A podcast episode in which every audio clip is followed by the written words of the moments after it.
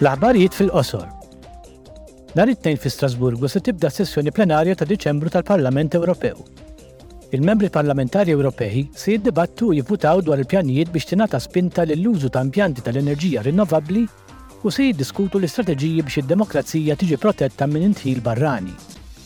Nhar l-Erbgħa, il-Premju Sakharov għal-Libertà ta' Ħsieb 2022 se jingħata lill-poplu kuraġġuż tal-Ukrajna. li rappreżentat mill-President tagħhom, mill-mexxejja eletti u mis-soċjetà ċivili.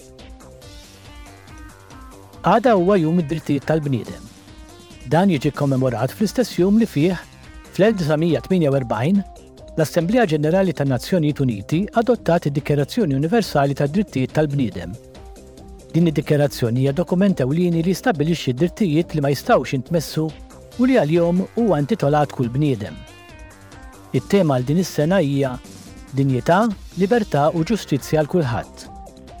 L-Unjoni Ewropea qiegħda fuq quddiem nett fir-rigward tad-difiża tad-drittijiet tal-bniedem. Dan mhux biss fil-livell tal-Istati Membri iżda anki mad-dinja kollha. Għada, l-ħames films li se jikkompetu għal Premju Lux tal-Udjenza 2023 se jitħabbru waqt iċ-ċerimonja tal-35 edizzjoni tal-European Film Awards f'Reykjavik l-Iżlanda. Il-Premju Lux tal-Udjenza jippromwovi d-distribuzzjoni ta' ċinema Ewropea ta' kwalità li tindirizza l-valuri li fuqhom hija mibnija l-Unjoni Ewropea. Dawn huma d-dinjità tal-bniedem, l-ugwaljanza, in-nondiskriminazzjoni, l-inklużjoni, it-tolleranza, il-ġustizzja u s-solidarjetà.